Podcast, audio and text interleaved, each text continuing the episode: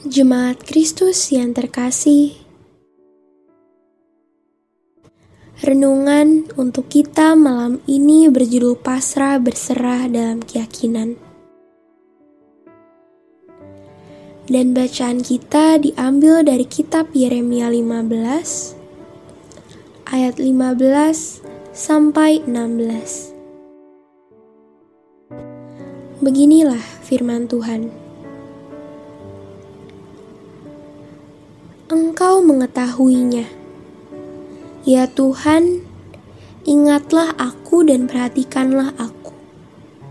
Lakukanlah pembalasan untukku terhadap orang-orang yang mengejar aku. Janganlah membiarkan aku diambil karena panjang sabarmu ketahuilah bagaimana aku menanggung celaan oleh karena engkau. Apabila aku bertemu dengan perkataan-perkataanmu, maka aku menikmatinya. Firmanmu menjadi kegirangan bagiku dan menjadi kesukaan hatiku, sebab namamu telah diserukan atasku Ya Tuhan, Allah semesta alam.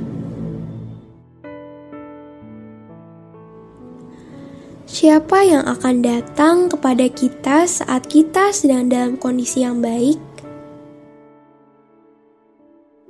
Pasti banyak. Lalu, kalau ditanya siapa yang akan datang mendukung kita saat sedang terpuruk dan jatuh, mungkin hanya sedikit orang yang mau menjumpai kita, atau bahkan mungkin tidak ada yang datang untuk menolong. Hal ini memang menjadi fenomena yang banyak terjadi di mana pun dan kapan pun. Terlebih saat kita berada dalam lingkungan yang memang tidak banyak orang yang menyukai orang Kristen semakin beratlah yang kita hadapi karena kita seperti sedang dilepaskan dalam kandang hewan buas yang kapan pun bisa menerkam dan memangsa kita. Menjadi pengikut Kristus memanglah tidaklah mudah. Terlebih saat kondisi kita sedang terpuruk dan membutuhkan pertolongan akan ada banyak godaan yang buat kita tidak lagi percaya akan pertolongan Allah. Nabi Yeremia juga mengalami hal yang demikian. Yeremia mengalami masa-masa tersulit ketika mengerjakan tugas yang diberikan Allah kepadanya. Yeremia merasa semua orang memusuhinya karena ia mewartakan firman Allah. Yang menarik, dalam ketidakpastian yang sedang Yeremia alami, ia merasakan kelegaan saat dapat berjumpa dengan Allah dan mendengarkan firman yang diberitakan Allah kepadanya. Kita dapat merefleksikan apa yang dirasakan Yeremia ini seharusnya dapat juga kita rasakan. Saat semua terasa sulit dan tidak nyaman untuk dijalani, kembalilah kepada Allah. Nikmatilah firman-Nya yang menguatkan kita.